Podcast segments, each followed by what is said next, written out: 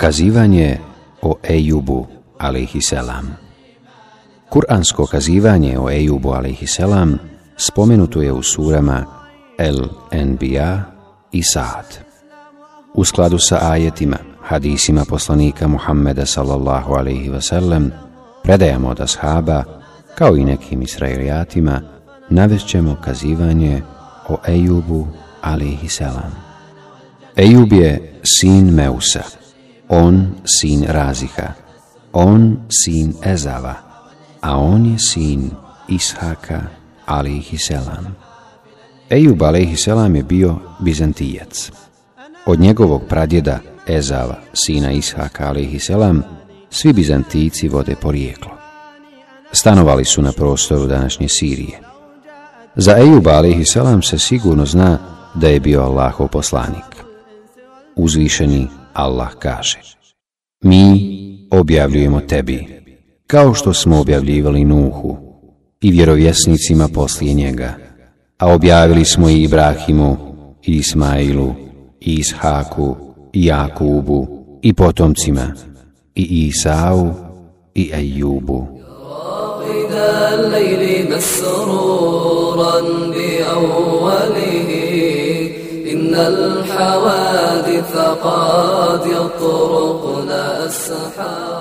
U Fesiri kažu, Ejub je bio veoma bogat. Posjedovao je sve vrste imetka, krupnu i sitnu stoku, robove i velike površine zemlje u Havranu, južno od Damaska. Cio taj kraj bio je njegov. Imao je sedam sinova i sedam kćeri. Bio je izuzetno lijep, a i zdravlje ga je veoma dobro služilo. Ljudi su ga mnogo voljeli i poštovali. Imao je sve što čovjek može poželjeti na ovome svijetu. Nakon toga, Allah uzvišeni ga je iskušao velikim iskušenjem. Potpuno je nestao njegov imetak. Svih četrnaestero djece je umrlo. Svih blagodati je lišen. Čak je iskušan najrazličitijim nevoljama na svome tijelu, od koga su mu samo srce i jezik ostali zdravi. Pored svega toga, on je bio saburli, uzdao se u Allaha uzvišenog i činio zikr danju i noću. Njegova bolest je potrajala tako dugo da su ga napustili najbliži prijatelji, pa je izveden iz svoga grada i ostavljen na jednom smetlištu. Svijet je prestao obilaziti, tako da nije ostao niko ko bi s njim saosjećao, osim njegove žene, koja je pazila na svoje obaveze prema njemu i sjećala se kako je on prije toga prema njoj bio dobar i milostiv. Njena vjera u Allaha uzvišenog i ljubav prema njegovom poslaniku nisu joj dozvolili da ga ostavi. Ona ga je čuvala i brinula se o njemu. Obilazila ga je, pazila i pomagala mu da obavlja nuždu i drugo što mu je bilo potrebno. Ali i njeno stanje se pogoršalo. Ponestalo joj sredstava za život, tako da i sama morala služiti svijetu da bi nešto zaradila, kako bi ga mogla nahraniti i pružiti mu ono što mu treba. Ona je strpljivo podnosila gubitak, bogatstva i djece, nesreću koja je pogodila njenog muža, škrtost bogatih, i služenje drugima. Nakon sreće i blagostanja u kome su bili poštovanja koje su uživali. Svi smo Allahovi i njemu se vraćamo. Hakim prenosi od Sada ibn Ebi Vekasa radi Allahu anh da je Allahu poslanik sallallahu alihi wasallam rekao Najteža iskušenja od ljudi imaju vjerovjesnici, zatim dobri ljudi, zatim najbolji za njih, pa onda najbolji za njih. Čovjek se stavlja na iskušenja prema čvrstini vjere. Ako je čvrst u vjeri, poveća mu se iskušenje. Njegovo iskušenje je trajalo punih 18 godina. Sve nevolje Ejubu selam su samo povećale sabor, nadu da će biti nagrađen za to i zahvalnost Allahu uzvišenom. Njegov sabor na nevoljama koje su ga zadesile navodi se kao primjer. Esuddi kaže, meso je otpadalo s njega. Žena mu je donosila pepeo i posipala ispod njega. Kada joj je dodijalo, rekla mu je, Ejube, kad bi zamolio svoga gospodara, sigurno bi te izliječio. On joj je odgovorio. Uživao sam u zdravlju sedamdeset godina pa zar je puno da 70 godina osaborim radi Allaha? Nju je zabrinjavao ovakav Ejubov a.s. odgovor, jer je morala služiti svijetu za malu naknadu i tako ga hraniti. Ejubov a.s. žena, izgubivši svaku nadu izlazak iz Belaja, jednog dana mu je rekla Do kada će trajati ovo iskušenje? Ejub a.s. se zbog ovoga naljutio i zakleo sa Allahom uzvišenim da će je kazniti sa stotinu udaraca bičem ako mu se Allah uzvišeni smiluje i vrati mu zdravlje. Pitao ju je, kako se možeš suprostavljati Allahovoj odredbi, znajući da je ona i ale i selam žena i bojeći se da na njih ne prenese bolest, jer ga je obilazila i s njim dolazila u kontakt, svijet joj više nije davao nikakva posla. Kada više nikod koga nije nalazila posla, kćeri jednog bogataša prodala je svoju platenicu za hranu. Kada ju je donijela Ejubu a.s., on ju je upitao. Odakle ti ovo? Ona je sakrivši istinu rekla. To sam dobila služeći ljudima. Ni sutradan nije mogla naći posla, pa je i drugu platenicu prodala za hranu, koju je donijela Ejubu a.s. opet sakrivši istinu od njega. Međutim, on se zakleo da neće jesti dok mu ne kaže odakle je hrana. Ona je tada skinula mahramu sa svoje glave, pa je on, kad je ugledao njenu obrijanu glavu bez kose, zamolio Allaha uzvišenog. Gospodaru moj, mene je snašla nevolja, a ti si od milostivih najmilostiviji. Ljudi su govorili, mora da je Ejub učinio nekakav grijeh, kakav na svijetu niko nije učinio. Pitali su jedni druge. Šta bi to moglo biti? Ibn Ebi Hatim navodi da je Abdullah ibn Ubejd rekao Jednog dana su Ejubova dva brata došli da ga obiđu, ali mu zbog neugodnog mirisa nisu mogli prići.